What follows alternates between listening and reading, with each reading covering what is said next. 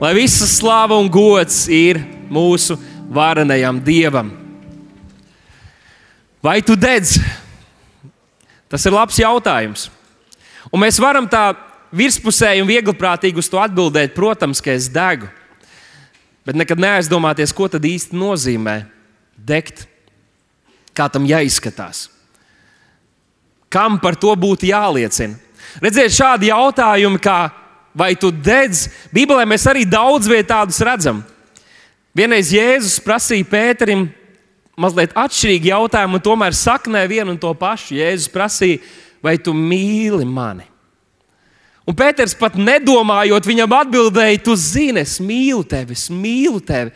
Bet Jēzus viņam centās parādīt, ka viņš sagaida kaut ko vairāk par vienkāršu vārdiem. Jo ir viegli, vairumam ir viegli pateikt, es mīlu tevi, bet Jēzus teica, tad parādi to. Ja tu mīli, ja tu vēlies mīlēt, ja tu esi izvēlējies mīlēt mani, ja es teicu, tad parādi to, tad gani manas avis, rūpējies par maniem jēriem, kalpo citiem, turpini šo misiju, kuru es esmu iesācis kur es esmu veids, piemēru, kur es esmu rādījis. Un man patika šī doma, kas izskanēja pagājušā nedēļas nogalē, ka atmoda ir vienkārša atgriešanās pie pa patiesas, vienkāršas kristietības. Jūs atceraties vēl, kas notika pagājušajā nedēļā? Pagājušajā nedēļas nogalē atmoda ir atgriešanās pie normālas kristietības. Un kā gan citādāk tas varētu būt? Atmoda notiek, kad dieva ļaudis atgriežas pie tā, kā stāv rakstīts. Kad mēs ticam tam, ko Bībele saka, kāds Dievs ir un uz ko viņš ir spējīgs un ko viņš jau ir paveicis. Saka, viņš jau ir paveicis. Atmoda notiek, kad mēs sākam dzīvot saskaņā ar Dieva vārdu un nevis šī laika filozofijām un gudrajām mācībām, bet mēs skatāmies Dieva vārdā un sakām, tā stāv rakstīts, un es tā gribu dzīvot. Atmoda ir, kad mēs izvēlamies dzīvot svētu dzīvi un nevis sekot šīs pasaules seklajai dzīves kārtībai. Atmoda ir, kad vīrs izvēlas mīlēt savu sievu pat brīžos, kad grūti to darīt. Atmoda ir, kad sieva izvēlas godāt un mīlēt savu vīru vīru, kad vecāki izvēlas audzināt savus bērnus dievbijā un paklausībā tam kungam, notiek atmoda, kad mēs padodamies Dieva vārdam un rīkojamies saskaņā ar to. Mums ir vajadzīga atmoda. Jūs atcerieties, ka atmoda nav tikai mūsu kaprīze. Atmoda ir nepieciešamība. Ir tik daudz cilvēku ārpus draudzes un arī draudzē, kuriem vajadzīgs radikāla sastapšanās ar Kristu. Draudz mums, draudzē, prieka vēstā nav tikai lieta, ko mēs esam dzirdējuši, ka kādi vīri kaut kur tālu ir teikuši, vai ka Bībelē stāv rakstīts, bet Dievs mums personīgi ir devis apsolījumus. Dievs mums personīgi ir devis sirdi par mūsu nāciju, par mūsu līdzcilvēkiem, par mūsu tautu. Jau 30 gadus un vairāk mēs esam bijuši kopā ar savu tautu, ticot un lūdzot un spīdot Un tam tai gaismai vajadzētu pieņemties tikai spēkā. Jo vairāk un jo stiprāk mums vajadzētu lūgt un ticēt par lielu, lielu sakustēšanos kā draudzē, tā arī visā sabiedrībā, lai Dievs dod šo, bet tas sākas ar šo personīgo atmodu. Un par to mēs paši varam būt atbildīgi. Es vakar lasīju Bībelītē par Korneliju, kurš bija vīrs. Apakstoļu darbos par viņu rakstīts, viņš bija virsnieks tā saucamajā itāļu rotā. Viņš bija dievbijīgs vīrs, viņš meklēja dievu prātu. Un kādu dienu dievs viņu runāja, viņš sapulcināja visu savu ģimeni, visus savus radus. Un tad uzaicināja dievu vīru šo balīti. Nevis lai vienkārši viņi svinētu dzīvi, bet lai šis dievu vīrs viņiem sludinātu valstības evaņģēlīju. Un kamēr dievu vīrs sludina, šiem pat nav tur jālūdz jālūdz kaut kādas lūkšanas, viņi notic evaņģēliem, un nākamajā brīdī viņi tiek piepildīti ar svēto garu. Viņš un viņa nams kļūst ticīgs. Nu, lūk, kāda ticības drosme viņš parādīja, lūk, kā viņš bija nodevies lai redzētu savus līdzcilvēkus glābtus. Viņš bija gatavs uz visu. Viņš pats gan jau bija sludinājis, bet viņš teica, nē, manai ģimenei vajag kaut ko vairāk. Un viņš devās pie Dieva vīra, un Dievs viņam deva šo vīziju. Viņš teica, hei, vai tu varētu atnākt pie manas ģimenes? Kāpēc mēs nedarītu tādu? Būt gatavi uz visu, lai mūsu līdzcilvēki, lai mūsu kolēģi, lai mūsu kaimiņi, lai viņi dzirdētu skaidru evaņģēlīju vai no mums pašiem, vai kādiem citiem mūsu uzticamiem cilvēkiem, lai mēs spīdētu šajā laikā. Mums ir vajadzīga atmoda. Bet viena no atslēgām, lai mēs piedzīvotu šo atmodu, un par to ir rakstījuši vīri, kas ir uzbūvējuši dieva žēlastībā, uzbūvējuši lielas draudzes, un kādi, kas ir uzsākuši lielas atmodas vēsturē, atmoda ir lūkšana. Atmodu ir lūkšana, un Gīpe arī pagājušā nedēļas nogalē tam pieskārās. Ja mēs par to nelūksim, ja mēs tikai par to runāsim un rīkosimies, bet lūkšana nebūs šis dzinējs spēks, kas kustinās šo kuģi, kas kustinās šo kustību, tad tur nebūs nekā. Draudz, mēs nedrīkstam pazaudēt lūgšanu, stāvēt uz mūsu ceļiem un lūgt Dievam gan par mūsu pašu sirdīm, gan līdz cilvēkiem, gan par draugu. Varbūt, ja mūsu vidū ir kāds, un tu nezini, varbūt kā bibliski lūgt par līdzcilvēku glābšanu, par atmodu, jo skaisti jau skan Dievs, es gribu atmodu, bet kā bibliski par to lūgt, tad es gribu iedot tev dažas lietas, kas ir pavisam bibliskas. Romiešiem 10.1 mēs varam redzēt, ka mēs varam lūgt par savām pašu sirdīm. Lūdz par savu sirdi, ja tev nav sāpes, ja tev nav slāpes par neglābtiem, ja tu nejūti šo vilkli, kad ir nepieciešams pasludināt citiem. Sāc ar to, ka tu lūdz par sevi, sauc uz debesīm, Tēvs, kaut kas nav kārtībā ar manu sirdi, jo zinu, ka tu nāc, lai meklētu un glābtu pazudušos, bet man nerūp pazuduši cilvēki, kaut kas nav kārtībā. Man ir cieta sirds, palīdz Tēvs. Darbojies pie manas sirds, palīdz man iemīlēt citus un redzēt citu vajadzības vairāk kā mana paša vajadzības. Apstākļu darbā 26. nodaļā mēs redzam, ka mēs varam lūgt arī par citu cilvēku uh, atvērtām acīm, par aptumšotām sirdīm un acīm, ka mēs varam lūgt un kad mēs iestājamies par kādiem noteiktiem cilvēkiem, par kolēģiem, par draugiem, kurus mēs vēlamies redzēt glābtus, tad garīgi kaut kas mainās, kaut kas notiek. Tu nevarēsi pateikt, jā, tā lūkšana trešdienas vakarā toreiz noved pie tā, ka mans draugs izglābās, bet ja mēs lūdzam par savu tautu, lūdzam par tiem cilvēkiem, kurus Dievs ir ielicis mūsu sirdīs, tad kaut kas garīgi mainās, šī augsne tiek sagatavot, lai šī evaņģēlīja vārda sēkla varētu nest augļus, un mums to noteikti ir jādara. Viena no lietām, ko mēs jau kā ģimene jau diezgan ilgi, gandrīz katru vakaru darām, mēs lūdzam par atvērtām durvīm. Jēzus teica, klaudziniet, tad jums taps atvērts. Patiesībā jaunajā darbā mēs daudz vietā redzam uh, runu par atvērtām, garīgām durvīm, gan runājot par iespējām, bet mēs lūdzam Tēvs, mēs lūdzam atvērtas durvis, gan draudzē kalpot personīgi cilvēkiem, gan arī ārpus draudzes, gan pie pazudušajiem cilvēkiem. Mēs paši cilvēcīgi neredzam un kaut kā palaidām garām garām, bet mēs lūdzam atvērtas durvis gan bērnu dārzā, gan skolā, gan treniņu vietā, gan ne jau satiktiem cilvēkiem. Tēvs, mēs lūdzam par atvērtām durvīm, lai mēs varam būt par gaismu, lai mēs varētu būt zemes sāls. Un ziniet, ko šīs lūkšanas atnes rezultāts? Aizvien vairāk mēs pamanām vietās un situācijās, kur iepriekš neredzējām iespējas, ka iespējas pavarās lūdz par atvērtām durvīm, lai tu varētu kalpot un spīdēt un būt par zemes sāli. Bet vēl viena lieta, ko es gribētu iedrošināt draugus, lai mēs lūgtu saistībā ar atmodu un cilvēku glābšanu, ir tas, ko Jēzus teica saviem mācekļiem. Viņš teica, lai mēs lūdzam pļaujas kungu, lai tas izsūta strādniekus laukā.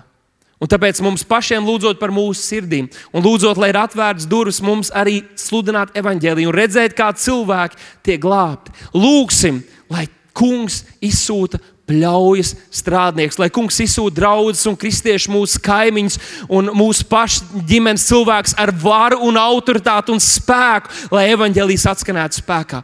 Ir cilvēki, pie kuriem tu esi jau ilgstoši strādājis, bet neesi redzējis uh, labus rezultātus. Lūdzu, lai kungs sūta vēl citus strādniekus, kuri var nākt pie šiem pašiem cilvēkiem un turpināt viņus vēst tuvāk Kristum. Nebaidīsimies lūgt, lūgsim, jo lūgšana ir atmodas atslēga. Un es ceru un ticu, ka mēs kā draugi un katrs personīgi no visas sirds gribam redzēt šo atmodu, par kuru mēs jau tik ilgi esam runājuši un lūguši. Un ik pa laikam arī redzam to mazākā vai lielākā lokā.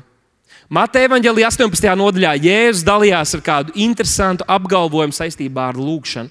Viņš teica, ja divi no jums virs zemes ir vienā prātā, kaut kādas lietas dēļ, ko tie grib lūgt, tad mans debes tēvs to tiem dos. Ja divi no jums virs zemes ir vienā prātā, tad viņiem ir jābūt dzīviem virs zemes kopā, vienā prātā, kaut kādas lietas dēļ, ko tie grib lūgt, tad mans debes tēvs to tiem dos. Šajā mēnesī mēs īpaši koncentrējamies uz ģimeni. Mēs gribam svinēt ģimeni, mēs gribam svinēt laulības, mēs gribam svinēt bērnus un dot arī kādus praktiskus e, ieteikumus un, un, un, un pamācību no Dieva vārda, kas var nākt par svētību mums visiem. Un tāpat laikā mēs varam skatīties arī daudz, daudz plašāk. Mēs varam skatīties uz mūsu ģimeni, kurā kā pieauguši cilvēki mums tomēr vēl aizvien ir vecāki, mums ir brāļi un māsas. Tāpat mums ir draugi, kas ir mūsu garīgā ģimene. Un Jēzus kādā vietā pat nošķīra un teica, ka tā ir pat būtiskāka un svarīgāka ģimene par mūsu fizisko, lai gan tā arī ir svarīga un būtiska. Visā šajās jomās mēs taču piedzīvojam izaicinājumus. Visā šajās mūsu attiecības sfērās mums taču ir izaicinājumi, ir problēmas, kur mums ir vajadzīga dievišķa palīdzība un gudrība, un šis apsolījums ir spēkā katrā no tām. Kur divi no jums virs zemes ir vienā prātā, kādas lietas dēļ mans debes tēvs to tiem dos. Mēs varam runāt par draugu, mēs varam runāt par kalpošanām, par lietām, kuras ir mūsu sirdī, kuras mēs vēlamies gan kalpot mūsu bērniem, kafejnīcā, mēs vēlamies aizsniegt savu pilsētu. Un ir daudzas lietas, kurās mēs cilvēcīgi paši to nespējam un nespēsim paveikt. Mums ir vajadzīga dievišķa svētība un vadība šajos procesos. Mēs varētu runāt par vecākiem, kas varbūt kādi ir jau pieredzējuši, kādi ir pavisam jauni vecāki, un tomēr visiem ir vajadzīga dievišķa gudrība un svētā gara vadība, lai patiesi izaudzināt savus bērnus par dievbijīgiem cilvēkiem, lai viņi pāri visam, kas šajā pasaulē ir iemantojams, iemantot mūžīgo dzīvību un atdot savas dzīves, lai kalpotu Kristum. Tā ir lielākā vērtība, lielākā bagātība, un tas cilvēcīgi nav izdarāms. Mums ir vajadzīga šī dievišķā gudrība un palīdzība. Mēs varētu runāt par vēl dažādām un citām attiecību sfērām, bet Jēkabs savā vēstulē teica, ka jums nav, tāpēc ka jūs esat nelūdzat. Iespējams, ka kādreiz kristiešiem nav kaut kas, nesanāk kaut kas, jo it kā dievbijīgi mēs cenšamies dzīvot, bet lūkšana nav svarīga mūsu dzīves sastāvdaļa. Tev nav, tāpēc, ka tu nelūdz. Un pat ja tu lūdz, Jēkabs arī drusku vēlāk norādīja, ka ir cilvēki, ir kristieši, kuri lūdz, bet viņi to dara ar ļaunām sirdīm, jo viņi grib nodoties savu kārību apmierināšanai, un līdz ar to viņu lūgšanas arī netiek uzklausīts, un viņi nevar saņemt atbildes no Dieva. Tātad ne tikai lūgt, bet lūgt pareizi, lūgt bibliski, lūgt saskaņā ar viņa vārdu. 20. pantā Jēzus turpina, jo kur divi vai trīs ir sapulcējušies manā vārdā, tur es esmu viņu vidū. Un, ja 19. pāns varēja mums vairāk dot mājienu, ka tur varētu būt runa par laulību, kur divi ir vienā prātā, tad šis mums jau atver tādu plašāku skatu uz daudzām un dažādām attiecībām, kuras ir mūsu dzīvē. Varbūt tas ir tavs draugu lokus, Varbūt tā ir jūsu ģimene ar jūsu bērniem, jūs kopā. Varbūt tā ir mazā grupa, kurā tu iesaisties. Varbūt tā ir kāda pilsēta, kurā tu atrodies, jūs esat kopā, daži kristieši. Jūs sanākat kopā, jūs gribat redzēt Dieva godību savā dzīvē, jums vajag uh, savā, savā reģionā, jums vajag palīdzību no Dieva kādās noteiktās lietās. Mm. Jēzus šeit iedeva šo apsolījumu. Interesanti, ka šis pats vārds sapulcējušies tiek lietots arī apakstuļu darbos, kur mācekļi ir sapulcējušies, lai gaidītu svētā gara apsolījumu.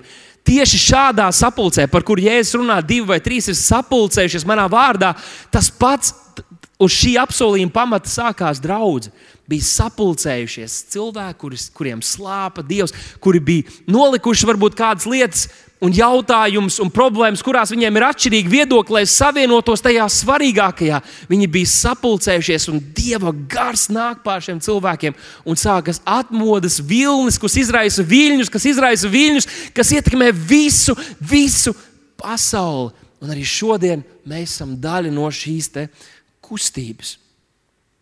1. Jāņa vēstulē, 5. nodaļā, 14. pantā mēs atkal redzam, ka apustulis Jānis arī atsaucās uz šiem pašiem vārdiem, kurus iepriekš bija runājis Jēzus. Un viņš saka, un šī paļāvība mums ir uz viņu, ka viņš klausa mūs, ja ko lūdzam pēc viņa prāta. Un tad šeit jau ir nosacījums, ja mēs lūdzam kaut ko saskaņā ar viņa prātu. Tātad lūkšana ir ārkārtīgi būtiska. Un, protams, ka vairumam laika, ko mēs pavadām lūkšanā, komunicējot ar Dievu, nevajadzētu, ka mēs prasām, ka mums vajag, mums vajag, un tomēr tā ir arī daļa no lūkšanas. Tā ir daļa no komunikācijas, kad mēs iestājamies un lūdzam un prasām, jo, ja mēs neprasām, tad mēs arī neko nevarēsim saņemt. Bet tas, kas man šķiet ļoti interesanti, ka abas šīs raksturvietas, gan tas, ko raksta apstults Jānis, gan tas, ko rakstīja uh, Matejs uh, par, par šiem Jēzus vārdiem, ka abas šīs domas par lūgšanu ir ieliktas kontekstā, attiecību kontekstā. Varētu domāt, ka viņš tur runā par kaut kādām zīmēm, brīnumiem, dziedināšanām, un tad viņš runā par šo lūgšanu, divi vai trīs, un tad es jums to došu. Bet abos gadījumos šī lūgšana mums tiek iedota attiecību kontekstā. Vienā brīdī viņš saka, ja tavs brālis grēko, un tu viņu atgriez, tu viņu atgriez uz pareizā ceļa, tad tu esi mantojis, tu esi izglābis šo brāli, un tad viņš saka par šo lūgšanu. Un tad pēc tam Jēzus saka par atdošanu, viņam prasa, cik, cik daudz reizes mums būtu jāpiedod cits citam. Un kāds šeit zālē teiks, nu, cik daudz reizes mums ir jāpiedod cits citam? Kāds saka, desmit reizes, ja viņš man aizvainos, pateiks kaut ko sliktu, paskatīsies uz mani ne tā. Es eju prom no draudzes, es eju prom no mazās grupas, man vairs nevajag šos cilvēkus man apkārt. Nu, mācekļi arī jutās līdzīgi. Viņi prasīja Jēzum, un Jēzus viņam saka, 70 reizes, 7 reizes. Viņš centās norādīt, ka nav būtiski, cik daudz reizes tas notiek ar tevi, bet lai tu mācītos dzīvot ar sirdi, kuru nevar aizvainot. Lai tu mācītos dzīvot ar sirdi, kur ir tik ļoti mīlestības pilna, ka tev nav grūti piedot, jo pirms viņš jau atkal, atkal kaut ko ir izdarījis, kas tev šķiet, ka tevi aizvaino, tu jau viņam esi piedevis, jo tev pienākas piedot. Tik daudz mums pašiem ir piedots, ka mēs nevaram nepiedot citiem. Un tātad abas reizes, kad Jēzus runā par lūgšanu, tad abās reizēs, kad mēs Bībelē redzam šo runu par lūgšanu, tās ir ieliktas attiecību kontekstā. Cik interesanti! Jo mēs esam radīti attiecībām. Mēs neesam radīti, lai vienkārši viena būtu mājās, un es zinu, ka ir kādi, kas dzīvoja tālāk, jūs nevarat būt sadraudzībā, kopienās, un tomēr jums arī ir iespējas, ir iespējas Zoom grupas, ir iespējas klātienes grupas. Varbūt, ka tavā pilsētā mēs varam sākt grupiņas, jo tu neesi radīts, lai dzīvotu viens. Dievs mūs ir ielicis šajās attiecībās, un kā mēs vienmēr sakām un jokojam, ka debesīs, ja tev šeit virs zemes nepatīk cilvēki, debesīs būs vēl briesmīgāk šajā jaunajā debesīs un jaunajā zemē mēs būsim vēl vairāk, mēs būsim vēl entuziastiskāki, vēl aktīvāki, vēl vairāk slavēsim, vēl vairāk gribēsim sadraudzību savā starpā. Mācies jau tagad, mācies kāpt sev pāri jau tagad. Bet tad, kad nonāk svētais gars, kad viņi ir sapulcējušies, tad mēs, es gribētu, lai mēs redzētu, kā atmoda sākās. Apustu darbu 2. nodaļā, 43. pantā ir rakstīts, un visus pārņēma bailes, un apstuļi darīja daudz brīnumu un zīmju. Kāpēc ir svarīgi šo raksturvietu jums parādīt? Tādēļ, ka šis vārds bailes, jā, viņas var tulkot arī kā terors, ja tu esi izbijies. Bet šis pats grieķu valodas vārds tiek lietots arī tad, kad Bībele runā par to, kā sievai vajadzētu izturēties pret vīru.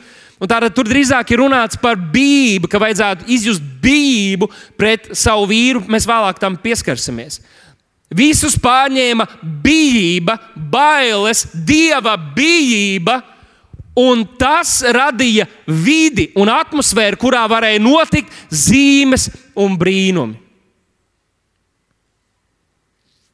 Bība, cieņa, cieņa savstarpēji, cieņa bija pret Dievu, bija pret šiem cilvēkiem, kurus Kristus bija iecēlis par draugus, līderiem un vadītājiem tajā laikā. Bība, kas iespējoja šo draugu un apstuļus darīt lielus zīmes un brīnumus, un Dievs tika pagodināts. 46. pantā, drusku uz priekšu, mēs redzam, ka viņi mēdza ikdienas vienprātīgi sanākt templī.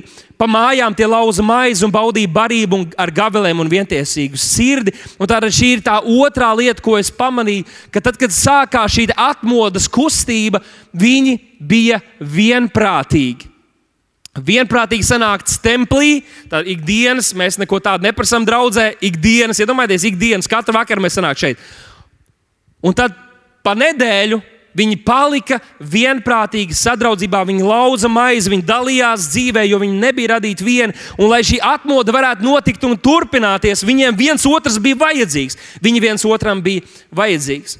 Šodien es gribētu jums uzrunāt šo svētkrunu, ko es saņēmu tiešām no Dieva priekš jums un priekš sevis. Un šis nosaukums ir, lai nams pastāvētu. Lai nams pastāvētu.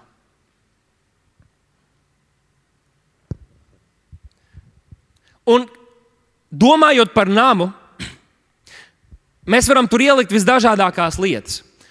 Kā ģimenes mēnesī mēs tur varam ielikt tavu ģimeni, tavu laulību. Un visas šīs lietas, par kurām mēs runāsim, būs noderīgas priekš ģimenes un laulības.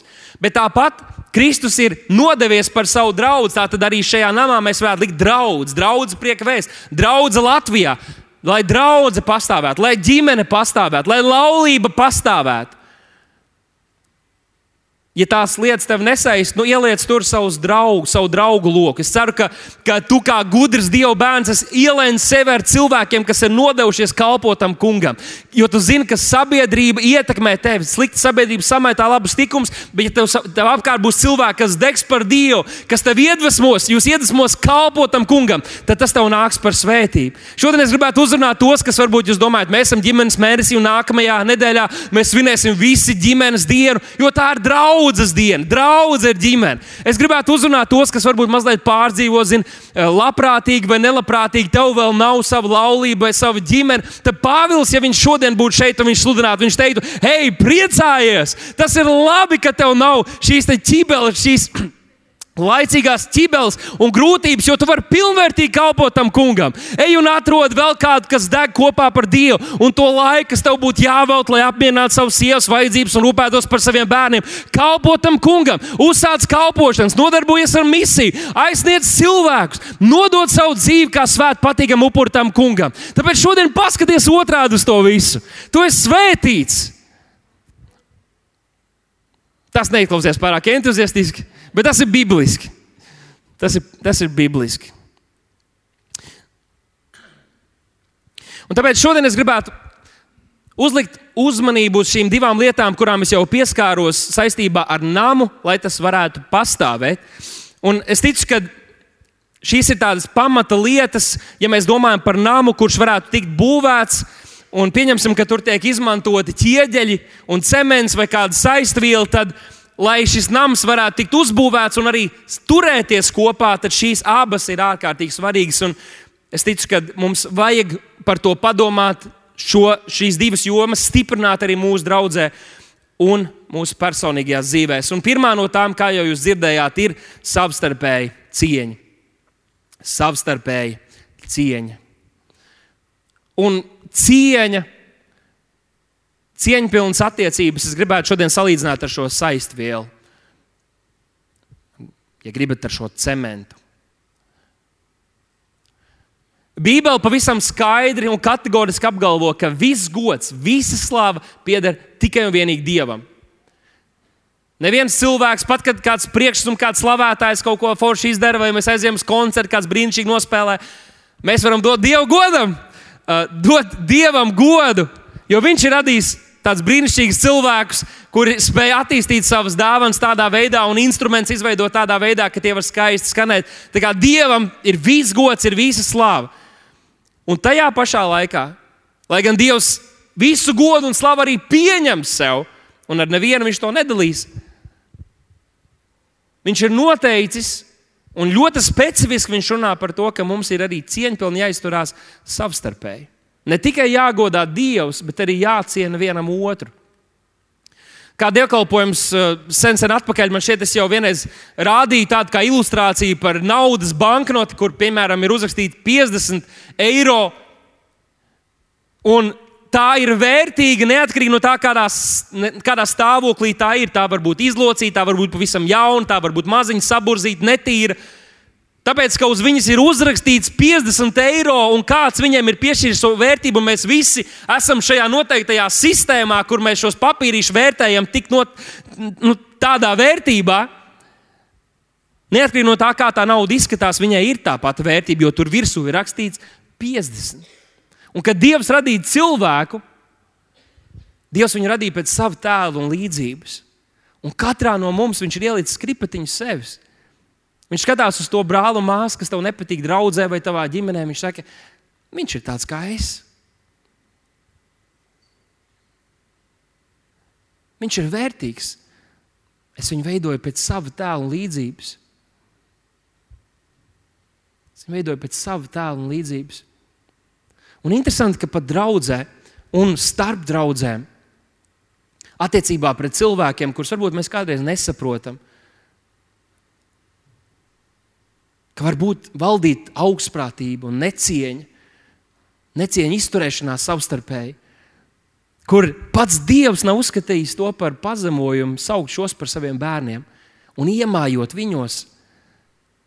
Bet kristieši kādreiz mēs atļaujamies ar necieņu izturēties pret tiem cilvēkiem, kurus Dievs nav uzskatījis par tik zemiem, ka viņš nevarētu atļauties viņos iemājot.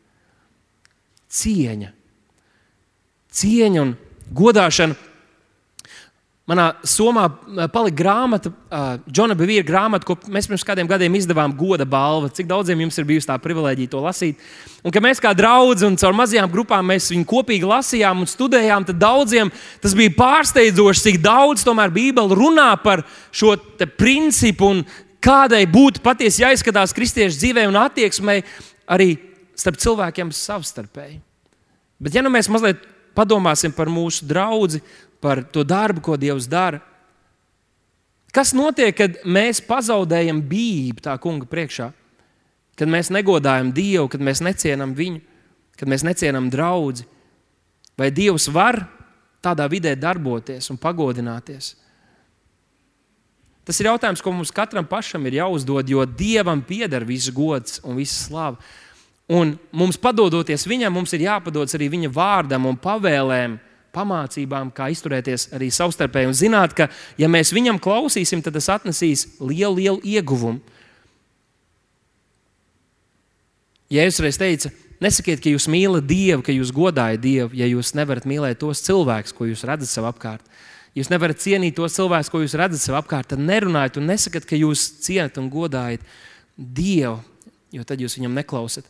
Bet apskatīsim drusku kādas raksturvietas, kur Bībele runā par ģimeni un attiecībām ģimenē. Un varbūt būs kādi daži ieteikumi, ko es varu dot. Kādam tas būs jau, es to jau sen zināju, kādam tas būs wow. Nezinu, gan vai to tiešām tā vajadzētu darīt, bet cerams, ka tas būs par svētību visiem, kas šodien klausās. Un, protams, ka mēs skatīsimies to no Dieva vārda. Bet skatoties par visām šīm attiecībām un pamācībām, kādas Pāvils dod mums šajās attiecībās, ko būtu svarīgi ieraudzīt katrā no šiem attiecību aspektiem Principā viņš runā par cieņu. Un varbūt viņš runā, ka, cieņai, ka, šī, ka šai cieņai, ko mēs parādām, būtu jāizpauž nedaudz atšķirīgā veidā, jo tas cilvēks var uztvert, un tam cilvēkam ir vajadzīgs, lai viņu ciena mazliet atšķirīgi vai parāda šo mīlestību atšķirīgā veidā, un tomēr tur visur pamatā ir šī cieņa. Cieņa attiecībās arī ģimenei. Efesiešu vēstules 5. nodaļā, 22. pantā mēs iesāksim, protams, ar sievām, jo to taču vienmēr visvieglāk ir pateikt man arī kā vīram, kas sievai ir jādara. Un, uh, Pāvils, Pāvils tādā ziņā ir pilnīgi, pilnīgi neitrāls, jo viņš nebija ne, ne, ne sieva kādam, ne arī vīrs kādai. Viņš var pilnīgi neitrālu pozīciju ieņemt šajā jautājumā. Tātad šeit attiecībā pret sievām mēs Svētais gars caur Pāvilu mums dod šādu aizrādījumu. Viņš saka, ka sievas esiet paklausīgas, ja pareizāk būtu tūkot, padodaties vai pakļaujieties saviem vīriem, kā tam kungam. Jo vīrs ir sievas galva, tāpat kā Kristum, Kristus ir draudzes galva, būdams savas miesas pestītājs. Viena svarīga lieta, ko visiem vīriem un vīriešiem šajā draudzē ir jāsaprot, šeit Pāvils runā par sievi, sievu un viņas vīru. Tātad vienalga, kā tu vēlies interpretēt vārdu paklausīgas, viņš runā par konkrētu sievu, kur ir salauzājusies ar konkrētu vīru un viņu savstarpējām attiecībām. Manai sievai nav jāpakļaus un jāpadodas nevienam no jums pārējiem vīriem, jo viņu ir devis man Dievs, un tās ir mūsu svētās attiecības. 33. pantā viņš vēl uzsver, ka sievai vajadzētu just bību, un šis ir tas vārds, kurus iepriekš, uz kurus iepriekš atsaucos. Bību nevis pret visiem vīriešiem, lai gan visi vīrieši visnotaļ ir biedējoši, bet just bību tieši pret savu vīru. Bet, ja mēs gribētu iedziļināties šajā Bībeles mācībā, tad apskatoties 21. pantu, mēs ieraudzītu kaut ko pavisam pārsteidzošu ne tikai sieva ir aicināta padoties savam laulātajam vīram, bet arī vīrs ir aicināts padoties savai laulātajai sievai. 21. pantā mēs pat redzam, ka mēs esam aicināti dieva bībā pakļauties, padoties cits citam. Saka, cits citam. Viena lieta, ko es gribētu uzsvērt saistībā ar šo pa padošanos, ka ir divas svarīgas lietas, kas mums būtu jāsaprot. Pirmkārt, ka šī padošanās laulības ietvarā tai būtu jābūt labprātīgai. Pasaka, labprātīgi. Visas sievas lūdzu pasiet labprātīgi. Labprātīgi. Tas nozīmē, ka ja pat tu esi salauzājies ar savu sievu, kā vīrs, tu nevari pieprasīt, lai viņa tev pakļaujas. Tu nedrīksti piespiest, lai viņa tev pakļaujas, lai ko tas arī nozīmētu jūsu konkrētajās attiecībās. Tā ir viņas pašas izvēle, kas izriet no viņas attiecībām ar Dievu un jūsu savstarpējām attiecībām, ka ir kaut kādas jomas un situācijas, kurās viņa kā sieva, kurās tu kā sieva esi gatava pakļauties savam vīram. No otras puses, jāsaka, tā otrā lieta, kas svarīga, ko, ko ir svarīgi saprast, ka padošanās nav tas pats, kas paklausība.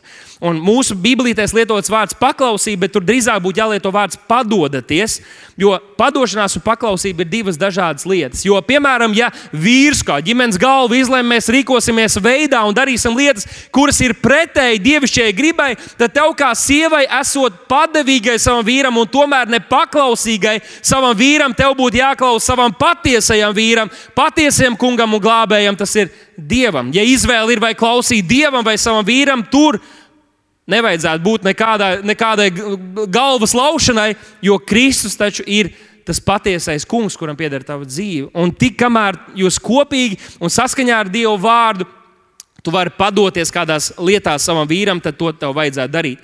Nu, kāpēc šī paklausība vai bija pret savu vīru var būt tik sarežģīta laulībā? Jūs jau sieva zinat, bet varbūt vīriem, vīri kādreiz nesaprot, nu, kāpēc viņi tagad tā izmainīsies šajos gados. Jo kamēr jūs draudzējāties, viņa nezināja, kāds tu esi. Viņai likās, ka tu esi brīnišķīgs dieva vīrs, kurš tu tiec ar visu galā izcili. Paskaties, kā mēs draudzē atstājam labu iespaidu. Viņa nezināja, ka tu svīsti. Viņa nezināja, ka tavas kājas ož. Viņa nezināja, ka tu esi nekārtīgs reizēm, brīžiem aizmirst, un tad nedēļas nogalē tikai gribētu sakārtot savas lietas. Ir daudzas lietas, ir daudzas lietas, kur mēs redzam laulībā, kur sieva redz savu vīru ne tā, kā citi redz, kur tu redz šīs nepilnības, kur tu redz šīs krišanas, kur tu redz šīs cīņas, kur tu redz, ka viņš pazaudē pacietību. Un varbūt citu priekšā draudzes sanāksmēs viņš labi tiek galā, bet tu redz, kad vakarā pēc darba viņš tomēr kāds skrūvīte ir izkritusi, un viņš pazaudē pacietību, un tu to visu redzi, un varbūt grūti un izaicinoši šo bību saglabāt un godāt, un paklausīt, un bīties arī savu vīru un godāt viņu. Un tāpēc, lūk, tas ir mērķiecīga izvēle un lēmums nodoties šīm attiecībām un turpināt celt un godāt savu vīru un padoties viņam un redzēt viņu kā šo ģimenes galvu. Lūk, daži ieteikumi. Viens, viens no veidiem, kā mēs varam šo, kā jūs. Sievas varat šo darīt, ir uh, atļaut savam vīram kādreiz kļūdīties. Atļaut kādreiz kļūdīties. Jūs vienmēr zinat, kā ir labāk un kā ir pareizi. To mēs zinām, to visi zina, ka jūs zinat. Bet ir reizes, kad jūs varat vienkārši atļaut viņam pieņemt to lēmumu, ja pat tev šķiet, ka tas aizņems desmit minūtes ilgāku laiku. Nu, atļauj viņam to izdarīt, neviens taču galvu dēļ tā lēmuma nepazaudēs. Ļauj viņam mācīties no kļūdām, ļauj viņam būt tam līderim, kas pieņem lēmumus, un kādreiz, kad ir grūti, vienkārši uzticies. Kāpēc es to gribu teikt? Tāpēc, ka pienāks jūsu laulībā un ģimenes dzīvē mirkļi, kad tev vajadzēs, lai tavs vīrs ir stiprs un izlēmīgs, kurš var pieņemt lēmumus, bet ja tu viņam šo iespēju un šo lomu būsi atņēmusi gadiem ilgi par mazākām un lielākām lietiņām, tad, kad pienāks mirklis un tu gribēsi, lai vīrs to izdara, viņš nebūs spējīgs to izdarīt. Jo šī loma viņam būs sveša šī atbildība un arī sekas par savu atbildību būs kaut kas jauns priekš viņa. Nu, otra lieta ir nebaksti un nezāģē. Nu, tas, laikam, visā sabiedrībā ir pazīstama lieta, ka tas ir kaut kas, ko nevajadzētu darīt. Piemēram, Tu atkal neizdarīji, nu cik tu ilgi uh, vari sēdēt un nesalabot to krāsu. Tu atnāc no darba, kāpēc tev nav lielāka alga un tam līdzīgi. Tu vari turpināt visu laiku bakstīt un zāģēt un zāģēt. Un it kā jau no vienas puses var domāt, ka tu dari kaut ko labu un pareizi, jo tu centies stimulēt to vīru, bet tas mums nepalīdz. Visi vīri teica, Āmen! Kautrīgi. Ziniet, kas palīdz? Celiet savus vīrus. Celiet savus vīrus. Piemēram, ir kaut kādas lietas, kas vēl nav notikušas, kuras tu gribētu, lai viņš izdara. Tā vietā, lai teiktu, nu, kad tu beidzot, kāpēc tu nekad neizdari šīs lietas? Viņam teikt, o, vīrs, pasties, cik tu skaisti šo skatu uztaisījusi. Es katru reizi garām man liekas, wow, kāds man vīrs, kā tu tik, tik rocīgs esi, tik prātīgs tiec galā ar lietām. Pasties, kā meitas, meitas toreiz skatījās, kā tu, kā tu tur ārā kārtoji lietas ar tiem kaimiņiem, kur attiecīgi problēmas. Viņas bija tā sajūsmā, viņas vienkārši tā kā astīts viņām luncinājās. Viņas bija tā samīlējušās tevī. Nu, tas ir tāds insēta lieta. Man liekas, ka vīriešiem tas uzreiz būs, viņš būs motivētāks kaut ko darīt. Un, uh, viņš celsies kā vīrs. Un trešā lieta, ko tu visam noteikti vari darīt, ir lūgt. Lūdzu par savu vīru. Lūdzu par savu vīru. Uh, ja, ja, ja izrādās, ka viņš nav tāds, kādu tu gribēji, kāds bija tas saraksts, kādu dievam bija prasījusi, tad tu vari lūgt un teikt, Dievs, kāpēc? kāpēc? Bet lūdzu, un svētī, lūdzu par viņu darbiem, lūdzu par, lūdzu par tām lietām, ko Dievs dara viņa dzīvē, ko viņš pārdomā Dieva vārdu. Lūdzu, un svētī, un cel viņu, un tas noteikti atnesīs rezultātus tavā dzīvē. Kāds varbūt sievas mūsu vidū šodien gribētu teikt, bet mans vīrs nāk it kā uz draugu, bet neko nedara saskaņā ar Dieva vārdu. Tad Bībelē ir arī jums, ko atbildēt. 1. pētera 3, 1 līdz 2 varat mājās izlasīt, rakstīts, ka šīm sievām, kurām vīri neklaus Dieva vārdām, vajadzētu tad bez mācīšanas, bez mācīšanas, ar savu dzīvi, bez sludināšanas, ar savu dzīvi uh, un ar savu dievbijīgo dzīvi, tātad iemantot šos vīrus un iegūt šos vīrus. Tātad, ja tavs vīrs it kā ir, bet neiesaistās tik ļoti, nebaksti, nezāģē, bet dedz par Dievu, dedz viņam blakus par Dievu, kalpo no visas sirds un iedvesmo viņu uz šo kristīgo dzīvi. Labi, tas sievām viss tagad vīriem ķersimies klāt. Paldies! Turpat bija kāda aplausa. Tas tikai tas, ko Bībele saka. Tātad vīriešiem ir uh, vīriem, tātad 5. nodaļā, 25. pantā ir rakstīts, un atkal šeit mēs varam saprast, ka runa ir par cieņu cieni šo sievu, kuru Dievs tev ir devis. Vīri mīliet savas sievas, tāpat kā Kristus ir mīlējis savu draugu. Pats nododamies viņas labā, lai to darītu svētu, šķīstot ar mazgāšanu, ūdenī caur vārdu. Un redziet, atkal vārdu, un cik sievietēm ir svarīgi mūsu vārdi. Jūs zināt, vīri, vai ne? Uh, vīri, mīliet savas sievas, cik daudz vīru var teikt, amen, enerģiski no visas sirds. Amen. Tas ir vienkārši, vai ne? Vīri, mīliet savas sievas, ko viņš cenšas pateikt? Godājiet, cieniet, šos dzīves draugus, ko Dievs jums ir devis. Mīliet! Redziet, ko ir svarīgi saprast, ka tas, ka mums šķiet, ka mēs mīlam un to parādām, tas nenozīmē, ka tas mūsu dzīves draugs to uztver tā. Mīlestība nedomā par sevi, mīlestība ne, nav sautīga, mīlestība nedomā, kā man tikai būtu labāk. Mīlestība izlai visu sevi, lai palīdzētu, lai svētītu otru cilvēku. Un šī ir tā aina, kur mums Pāvils iedod. Viņš saka, mīliet savas sievas, bet tā kā Kristus ir mīlējis draugus, ko Kristus izdarīja? Viņš iztukšoja sevi no visa dievišķā, viņš pazemojās, kļūdams pat zemāks par cilvēku līdz krusta nāvei. Viņš kalpoja, viņš pazemojās, viņš piepildīja, viņš darīja pilnīgi šo savu laulāto draugu, draugu, savu Kristus miesu. Lūk, tas attēls, kāds vīriem būtu jāizdzīvo. Mums nevajadzētu būt pārāk nogurušiem, lai mēs parūpētos par kādām savas sievas vajadzībām, vai paņemtu bērnus uz dažām stundām, lai viņas varētu atpūsties, vai, ja viņi ir pa savu darbu nostrādājusies, lai mēs varētu arī viņu atvieglot un dot viņai, šos, š, parādīt viņai šo mīlestību veidā, kādu viņa saprot. Un īpaši, ja tu esi saņēmis Salmāna pamācības 31 sievu, un tagad visi vīri, kuriem tādas ir, saka, Amen! Mums trīs sievietes tādas ir draudzē. Salmā pamācība 31. Tur ir tā kā iedot tādu ainu par šo dievbijīgo sievieti. Ja tev ir tāda sieva, saka, aleluja!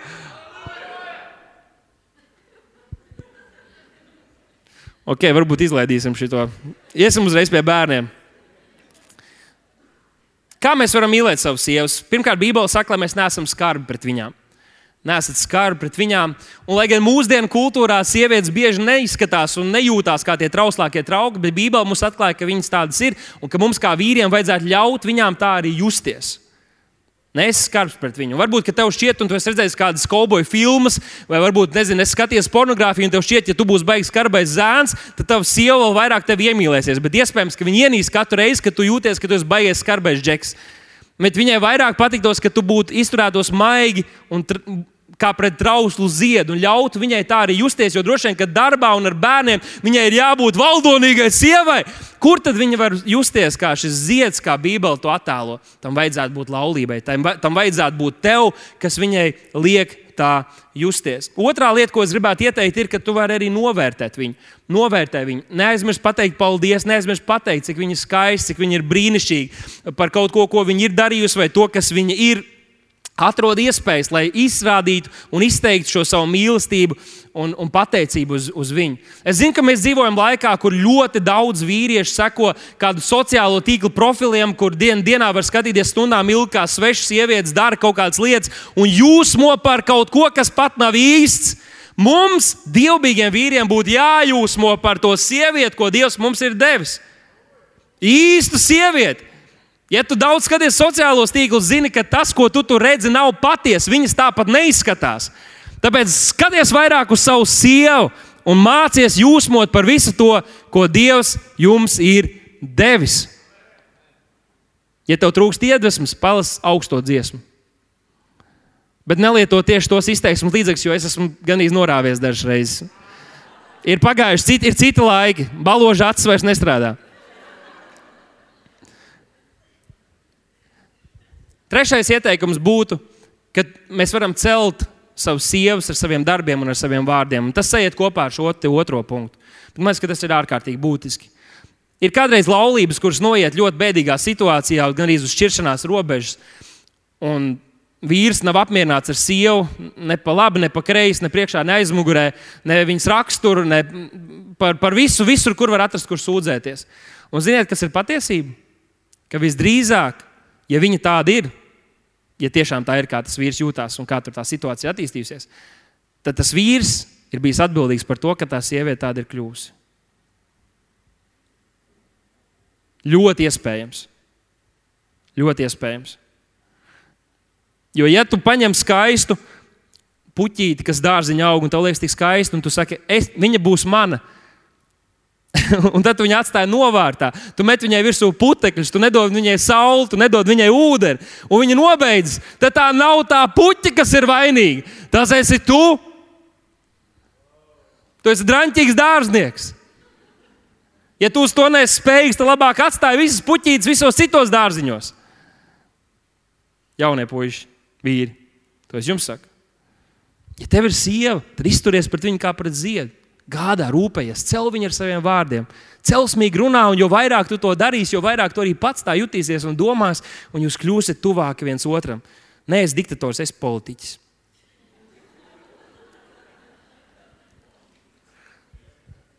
Vēl pēdējā lieta varbūt par šo pakļaušanos un vīrs kā ģimenes galvu.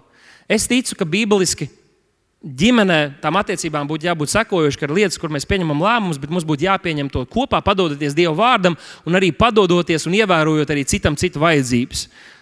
Un, un lēmumus, un to, kas ir svarīgi un būtiski. Bet tad, ja ir kaut kādas situācijas, kurās mēs nevaram vienoties, un abiem tas ir ārkārtīgi svarīgs un būtisks jautājums, tad bibliski tomēr būtu jābūt tā, ka vīrs kā ģimenes galva var pieņemt lēmumu, bet tad viņš arī nes atbildību par tām sekām. Tieši no sievas puses. okay. Trešais ir par bērniem. Efeziešiem 6, 1 līdz 2. Tātad arī bērniem te ir pamācības. Jūs to varat droši mācīt saviem bērniem. Bērni, klausiet saviem vecākiem, jo tā pienāks. Tik vienkārši. Bērni, klausiet saviem vecākiem, jo tā pienāks. Otrajā pantā viņš saka, godā savu tēvu un māti. Tas ir pirmais bauslis ar apsolījumu. Tātad bērniem pienākas klausīt saviem vecākiem. Tas varbūt kādu tikko pārsteidz. Pagaidiet, bet vai mums nevajag ļaut viņiem pašiem sevi audzināt? Tā tas ir labākais veids, kā uzaudzināt bērnu. Bībeli saka, nē, viņiem pienāks un tev būtu jāgādā. Jums kā vecākiem būtu jāgādā, lai bērns to zina, ka viens no viņa svarīgākajiem pienākumiem, esot bērnam, ir klausīt viņa vecākiem. Grib viņš to vai negrib, viņam ir jāklausa saviem vecākiem. Vēl viena interesanta lieta, par ko es esmu domājis, ka Bībeli nekur nesaka, ka bērniem ir jāmīl savi vecāki bet viņiem ir jāgodā un jāklausa savus vecākus. Vai nav tā, ka mēs pārāk bieži vēlamies, lai it kā mūsu bērni mīl mūs, bet izpaliek šīs lietas, kuras Bībele paģēra, ko vecākiem būtu jāpanāk, ka viņu bērni viņus godā un viņiem klausa. Par to ir vērts padomāt. Uh, šeit daži ieteikumi tiem, kas ir bērni, attiecībā pret viņu vecākiem, vienalga kādā vecumā, kā mēs varam šo te, uh, godāšanu un, un uh, klausīšanu veikt. Pirmais man šķiet, ka ir tas, ka mēs klausāmies, kad vecāki ar mums runā, vai mana bērna, kad klausās, tas ir veids, kā var izrādīt cieņu pieaugušam cilvēkam. Viņš runā, tad tu neesi savā ierīcē, vai nes, neskraidi apkārt, neskaties apkārt, bet tu esi klātesošs, tu skaties uz viņu, tu dzirdi to, ko tev saka. Otrā lieta ir pirmkārt paklaus, tātad, ja kaut kāds uzdevums tev tiek dots, izdari to. Tas kādreiz prasa piecas minūtes. Izdari to, kas tev ir palūgts, un pēc tam tev būs atkal divas stundas brīva laika. Bet, ja tu to vienu lūgumu vilksi divas stundas, tad tev būs sajūta, ka tev divas stundas liek kaut ko darīt, lai gan tu visu laiku esi nepaklausībā. Un vecajā darbā dumpīgs bērns nomētāja ar akmeņiem. Trešais - izrāda pateicību. Izrāda pateicību. Bērniem ir jāmācās būt pateicīgiem, bet tur vecākiem arī ir jāiesaistās, lai viņi saprastu un mācītos būt pateicīgi, jo tas dabīgi nenākas. Nu, vismaz maniem bērniem.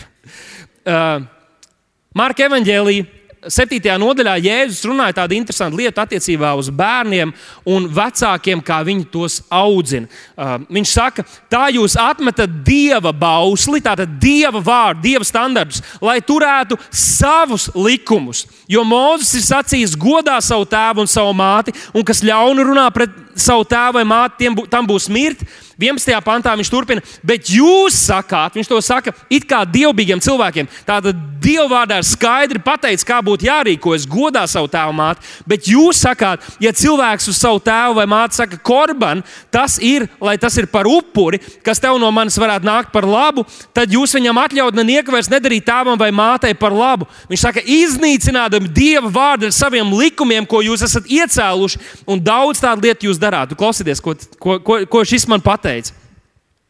Jēzus jau tajā laikā saka, ir lietas, kuras Bībelē ir skaidri pateikts, kā būtu Bībeles jārīkojas. Es nerunāju par bērnu nometšanu akmeņiem, tas ir, tas ir palicis vecajā darbā. Tomēr ir skaidri principi, kā būtu jāaudzina, kā ir jārīkojas gan laulībā, kā ir, ko nozīmē būt vīrišķīgam vīrietim, sievišķīgai sievietei, kā ir jāaudzina bērns un tā tālāk.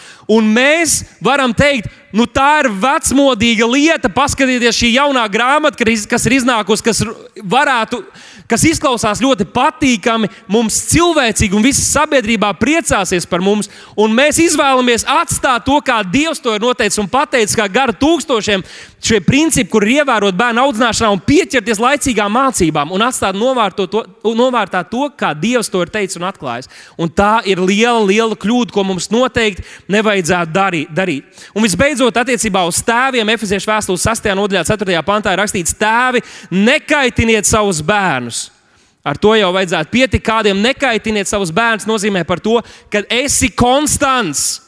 Nē, esi tāds tēvs, kurš saka, es būšu, bet tu neesi, kurš to apsoli. Ja tu tā vēlreiz izdarīsi, tad būs slikti, bet nekas slikts nenotiek. Ja tu šādi rīkojies, tad tu, tu bērnam, bērnam iemāci, ka tu pirmkārt neesi uzticams, bet arī viņš paliek tramīgs un nesaprot, kādas ir tās robežas, kas viņam dotu dro, eh, mieru un, un tādu kā patvērumu skaidrību, kā viņam ir jārīkojas šajā konkrētajā viņa dzīves sezonā. Bet viņš saka, bet audziniet un pamāciet tos būt paklausīgiem tam kungam. Tātad atkal uzdevums tev kā tēvam un tev arī kā mātei audzināt un pamācīt savus bērnus, ne tikai godāt savu tēvu un māti. To jums skolotājs skolā neiemācīs jūsu bērnam. To jums ir jāiemācās. Lai arī jūsu bērni godā svētdienas skolotājs, lai jūsu bērni godā uh, skolotājs skolā un lai viņi ir paklausīgi tam kungam. Tā ir jūsu atbildība. Vecāki, tā ir jūsu, tā ir mūsu atbildība. Un es zinu, ka daudz no jums tagad, tev tikai trīs bērni un vecākiem četri gadi, ko tu mums vari mācīt, bet es saku to, ko Bībele saka. Es saku to, ko Bībele saka, un es no visas sirds esmu apņēmies tā arī darīt un klausīt tam, kā Bībele ir mācījusi. Kā tad mēs varam to darīt vislabāk? Eh, tēviem varbūt kādu ieteikumu, nospraust konkrētas robežas un uzturēt tās, tā ir kāda noteikuma robeža tavā namā, kuram ir jābūt tabū. Nē, es tā, ka tu katru, katru mazāko lietu savu bērnu dzīvē gribi noteikt un visur iet ar pātagu, vai to nedrīkst, to nedrīkst, nedrīkst. Bet ir jābūt konkrētām lietām, kur viņš zina, to viņš nedrīkst darīt, to nevar aiztikt. Un tad dod viņam vidi, kur viņš var brīvi darboties un, un pieļaut savas kļūdas un sasisties, ja nepieciešams. Otrais esi uzticams un konstants. Es jau par to teicu. Tātad esi tas, kurš, kur, ja tu pasaki, ja tu apsoli to izdarīsi, un ja ir kaut kāds robežs, tad tu tās ievēro. Un trešais, tev ir jābūt šai drosmīgajai klintī, drošības klintī. Tev ir jābūt šai drošības klintī, tev ir jābūt šai miera klintī. Tēvis aicina jūs, lūdzu, jūs varat atrast sevī spēku. Svētais gars jums dos spēku būt par šo mieru patvērumu tam bērnam. Kādreiz, kad viņš raud, viņam ir niķis nevienmēr ir, ir kaut kā jāpiespiež to bērnu pārstāt. Kādreiz pietiek ar to, visbiežāk pietiek ar to, ka nometies uz ceļiem un apskauj to bērniņu, un pēc vienas minūtītes viņam jau būs miers. Kur viņš to mieru saņems? No tevis. No tevis. Tu nes to, to mieru. Tu viņam parādi, kā tikt galā ar šīm emocijām, kuras viņš nav iemācījies. Viņam nav jāpiedzimst jau ar spēju to visu izdarīt, bet tu to jau vari. Neultiniet savus bērnus, lietojot mīlestību ar disciplīnu. Tātad kopā tā ir tā atslēga. Romiešiem 12.10. Romiešiem 12.10 ir rakstīts, brāļu mīlestība jūsu starpā, lai ir sirsnīga. Centieties citu, citu pārspēt savstarpējā cieņā. Tātad šeit jau ir runa par plašākā tikai ģimeni, te runa par jebkurām attiecībām, bet arī par draugu, par draugu grupu. Pārspēt savstarpējā cieņā. Patiesībā viena no atslēgām, lai mēs dzīvotu šādu patiesu kristiešu dzīvi un piedzīvotu atmodu un dievu spēku ne tikai draudzē, mūsu ģimenē. Cik daudziem mums vajag atmošanos mūsu laulībās, mūsu ģimenēs, mums vajag, mums, mums vajag spēku, mums vajag palīdzību. Ir vecāki, kuriem eh, bērni iet prom no Dieva, kur ir liels visādas problēmas, un mēs turpinām tēlot, ka viss ir kārtībā, kā mums nesāpēta sirds, kur pretī mums vajadzētu saukt uz debesīm un runāt ar cilvēkiem, kas ir mums līdzās, lūdziet par mani. Es, es, es zaudēju savu vīru, lūdziet par mani, es zaudēju savus bērnus. Ir nopietnas problēmas, mums tiešām sāp sirds. Un, un, un piecelties, un rūpēties, un lūgt vienam par otru, un gādāt vienam par otru. Mēs varam domāt arī par kalpotājiem. Ir viegli sekot kaut kādiem Instagram kalpotājiem vai YouTube, skatīties sprediķus un it kā godāt viņus, bet tos, kas ir mums līdzās, kā, nu, tas jau ir vilnis, tā jau ir līga. Tas, tas jau ir mans mazās grupas vadītājs. Ko gan viņš var izdarīt? Viņam pat Instagramā nav tūkstoši sekotāju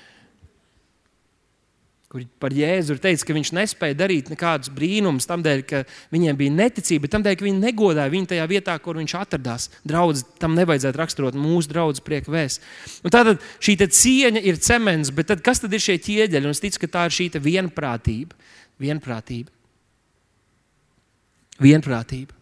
Tas nenozīmē, ka mēs esam vienā prātā, pilnīgi visās sfērās, bet būtu jābūt, ka mēs spējam mazsvarīgas lietas nolikt malā, lai mēs koncentrētos un fokusētos uz to, kas mūs patiešām savieno. Draudzes šī vienotība un vienprātība nāk no pazemīgas sirds. Pazemīgas sirds. Jā.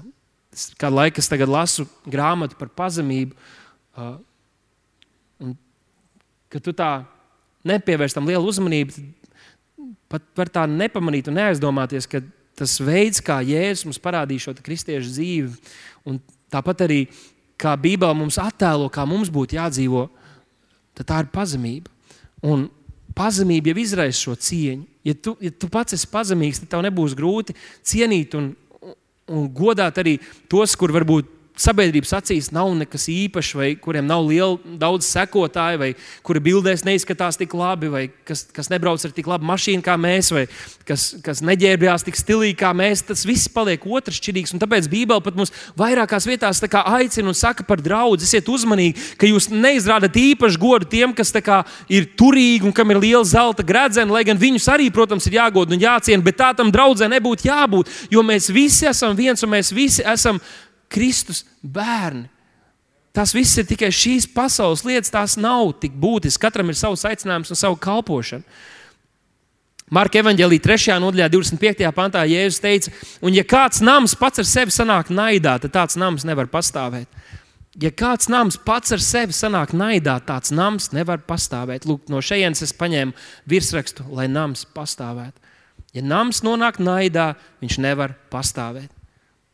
Un to var runāt par, par, par taviem draugiem.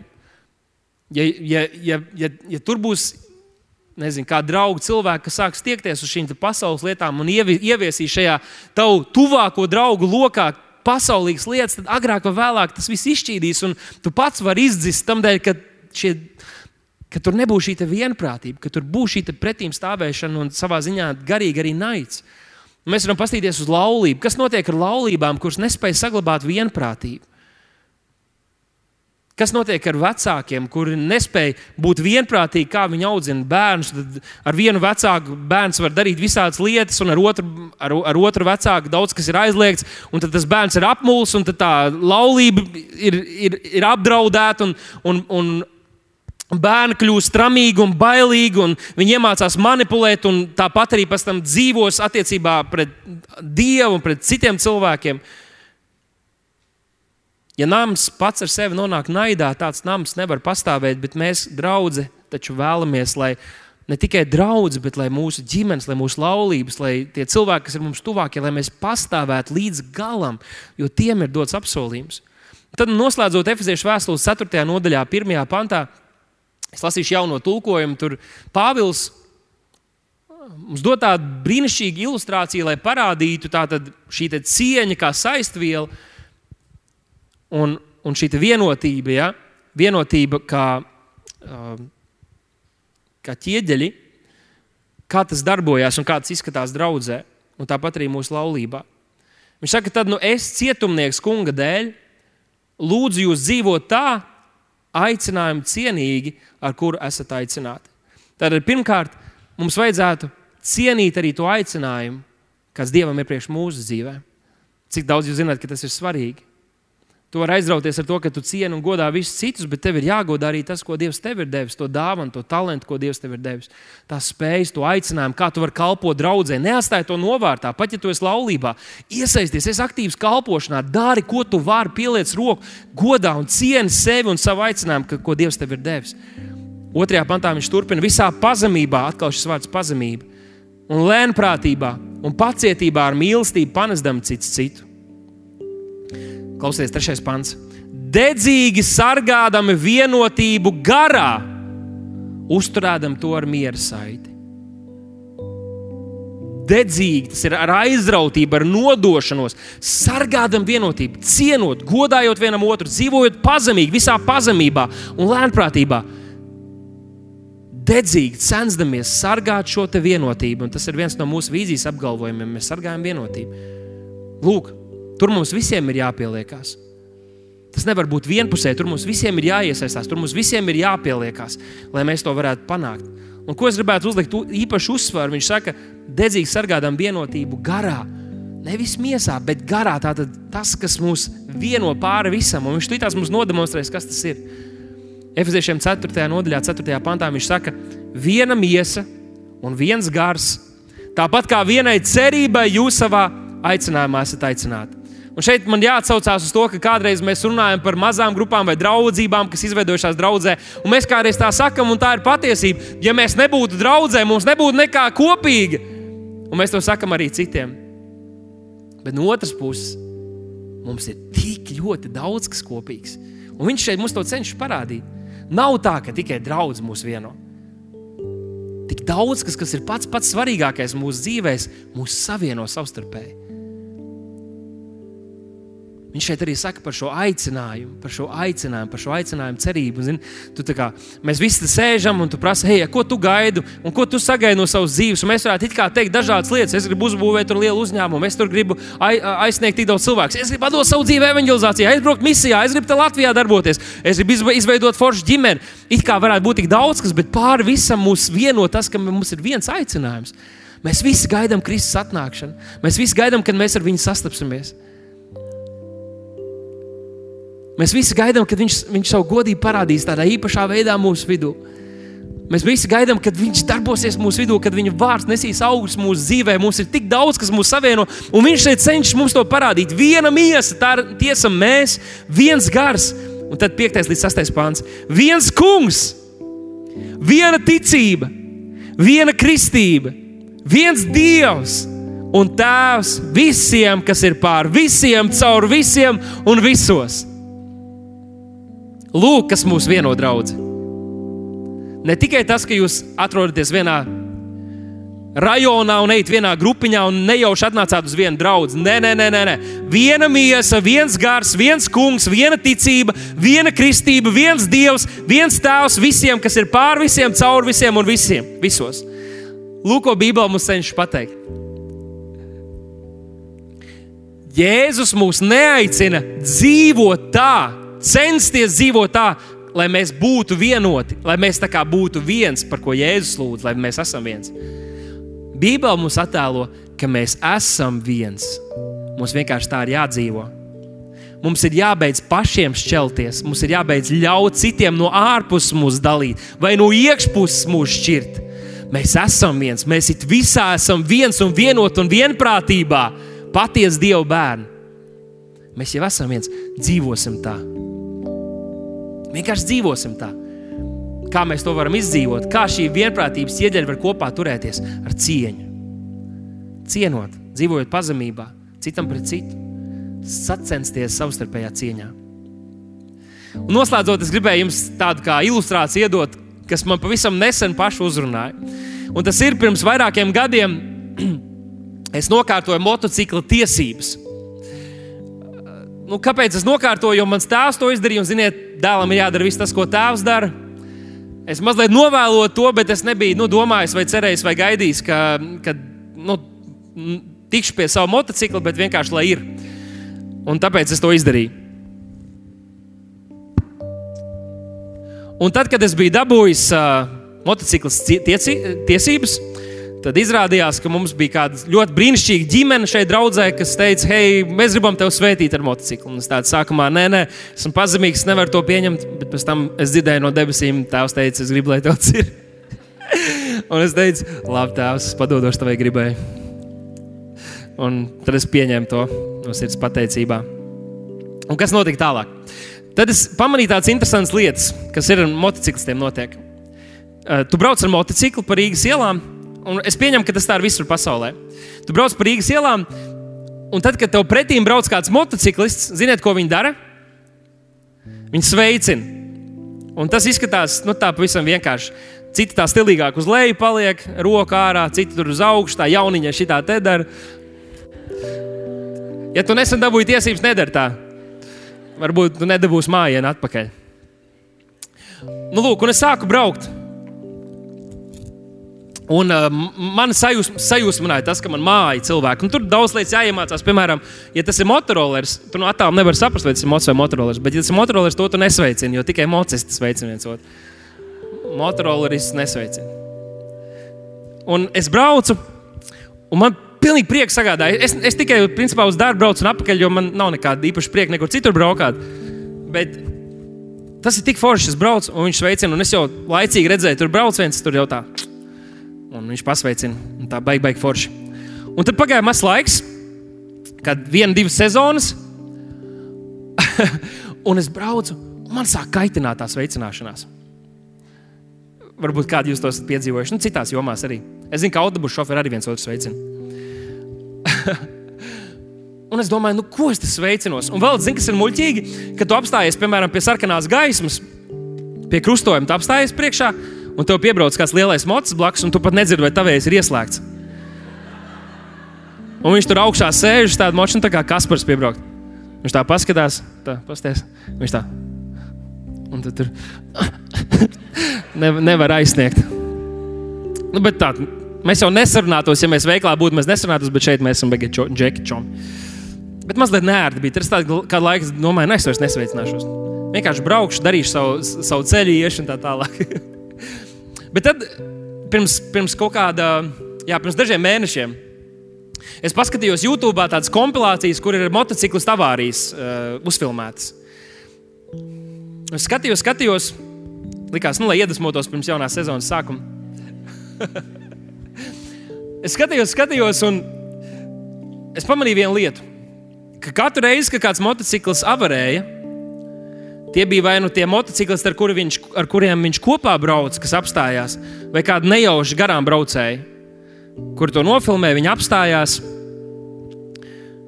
un viņi nokāpa no saviem močiem un gāja palīdzēt. Viņi zināja, ko darīt, jo viņi paši ir motociklisti. Viņi zina, kā jāpalīdz motociklistam. Un es sāku domāt, varbūt tomēr ir jēga sveicināt tos motociklistus.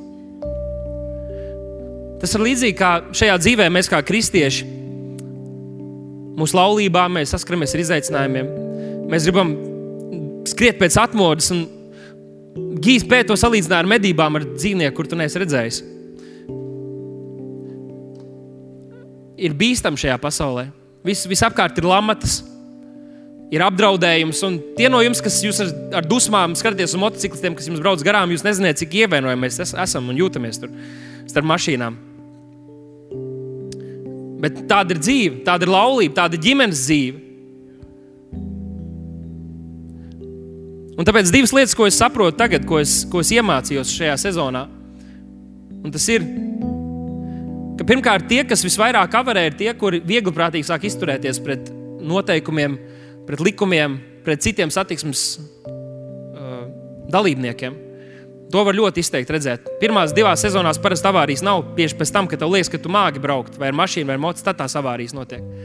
Kad tev liekas, ka ātruma ierobežojumi īstenībā uz tevi vairs neatiecās, vai drošības saliņas, vai pagrieziena rādītāji un tā tālāk, ka tas nav vairs priekš tevis. Visdrīzāk, kad tu ļoti apdraudās, tad pazūd, pazūd cieņas pret apkārt esošajiem un pret kārtību kā tādu un tā tālāk. Bet tad es domāju par šiem mocistiem, ka, ja gadījumā kaut kas notiktu ar mani, mēs samājamies, mēs nepazīstam viens otru, bet es jūtos daudz drošāk. Jo es zinu, ja es brauktu ar to mocu un būtu kāda mašīna, nu kādreiz tur mašīnās ir tāda, kur vienkārši aizkaitināti viņiem riebjās.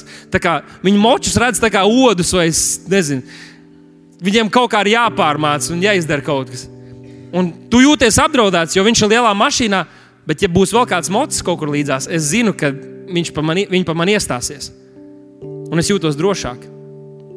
Ir kaut kāda vienprātība, ir vienotība, ir kaut kāds kodeks, kur mēs ievērojam. Un tāpēc es turpmāk sveicinos. Un es zinu, ka tāpat man ir jārūpējas par citiem, un citi rūpēsies par mani. Man tur uz ielas esot. Un tagad to savalkot kopā ar draugu, ar to, kur mēs esam. Cieņa pret Dieva likumiem un standartiem, kuri kur, kur nebeigsies, kur nepāries. Tik ilgi, kamēr būs diena un naktis, sēju un pļauju, un visas citas lietas, kuras Dieva vārds ir teicis, tas turpināsies. Mums ir jāgodā, tas jāciena, jāciena vienam otru. Un man šķiet, ka ir forši, ka mēs mācāmies arī būt sadraudzībā, būt vienprātībā savā starpā. Un pat ja mēs labi nepazīstam, tas, ka es varu svētdienā pateikt, jo es zinu, ka ja man viss ir kārtībā, man pat īsti tas nav vajadzīgs. Bet, ja gadījumā kaut kas notiks, es zinu, ka tur tas brālis, viņš lūgs par mani. Es zinu, ka tur tas brālis apstāsies un zinās, ka man nevajag ņemt no ķivera un nevajag man aiztikt, bet izsaukt ātrā palīdzību. Ja mēs esam savienoti savstarpēji. Šajā pasaulē vēl aizvien ir šis niknais suns, kurš kā lauva rūc apkārt. Viņš meklē, kurš no mums viņš var nozagt.